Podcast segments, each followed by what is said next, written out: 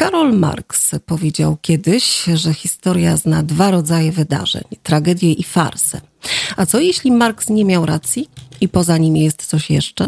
Na przykład Wodewil w stylu Borysa Johnsona z elementami komedii, śpiewu, tańca i pantomimy. Albo burleska w stylu Lee Strass, ekscytująco podniecające widowisko, choć stanowczo za krótkie. Boris Johnson, drodzy Państwo, zmienił brytyjską politykę w formę rozrywki. Lee Strass ze swoim niezwykłym show okazała się jego godnym następcą. Rzekomej zdolności Anglików do samorządzenia przeczy każdy rozdział ich historii, a już na pewno rozdział rozpoczynający się od głosowania w sprawie Brexitu. To śmieszne, że myślą przewodnią tej społeczno-politycznej rewolucji było odzyskanie kontroli.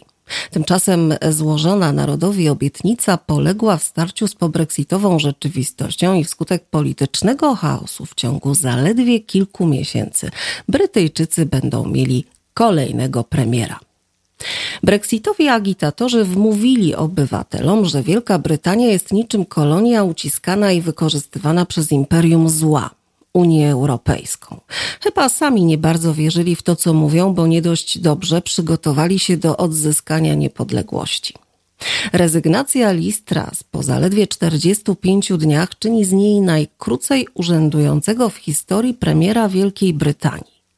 Publicyści, nawet ci, którzy namawiali swoich czytelników, by widzieli w niej drugą Margaret Thatcher, przyznają, że katastrofa była nieunikniona. Ktoś tak bezbarwny, pozbawiony charyzmy, nie mógł wyciągnąć Wielkiej Brytanii z pobrexitowego dołka.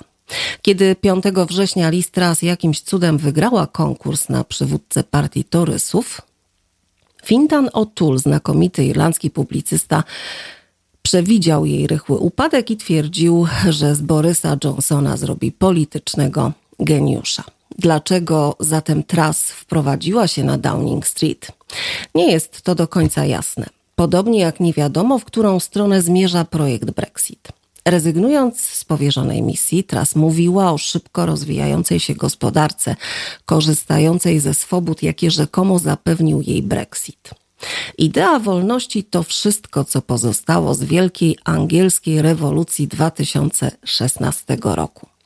Brexit, drodzy Państwo, stworzył koalicję skupiającą pod jednym sztandarem niezadowolonych wyborców, rozczarowanych brakiem oszczędności z elitami funduszy hedgingowych. Paradoksalnie połączył pokrzywdzonych z uprzywilejowanymi. Przez chwilę wydawało się nawet, że ta niesamowita kombinacja na stałe zmieni angielską politykę. Ostatecznie przepaść w interesach dzieląca obie strony była zbyt duża, by na zawsze zasypać ją pustym nacjonalistycznym sloganem.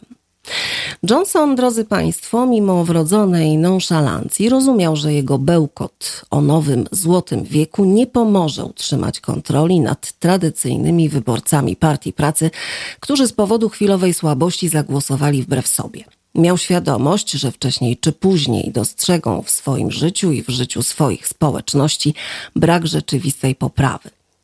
Johnson nie był kompetentny, żeby urealnić program wyrównania szans, ale przynajmniej rozumiał, że wprowadzenie wysokich podatków urealni Brexit.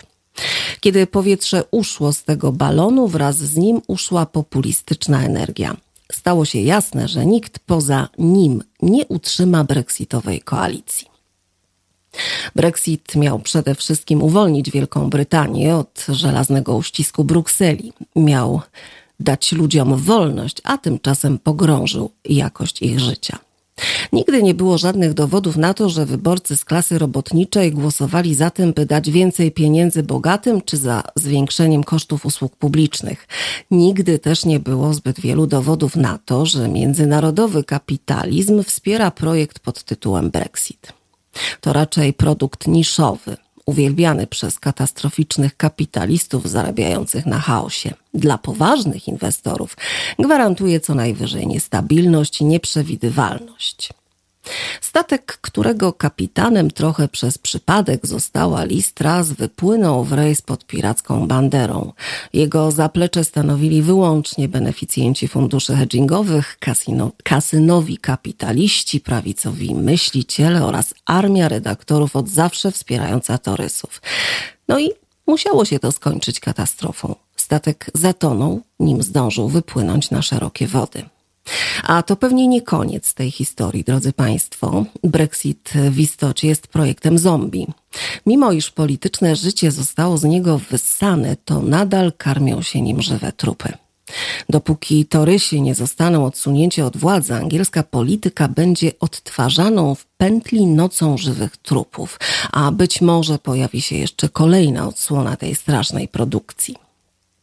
Poszukiwanie wielkości zakończyło się upokorzeniem. Czas skończyć z tym szaleństwem. Rzeczywistość może jest i trudna do przyjęcia, ale nieunikniona. Wielka Brytania, jeśli chce przetrwać, to musi stać się na powrót poważnym krajem, najlepiej pod rządami innej partii.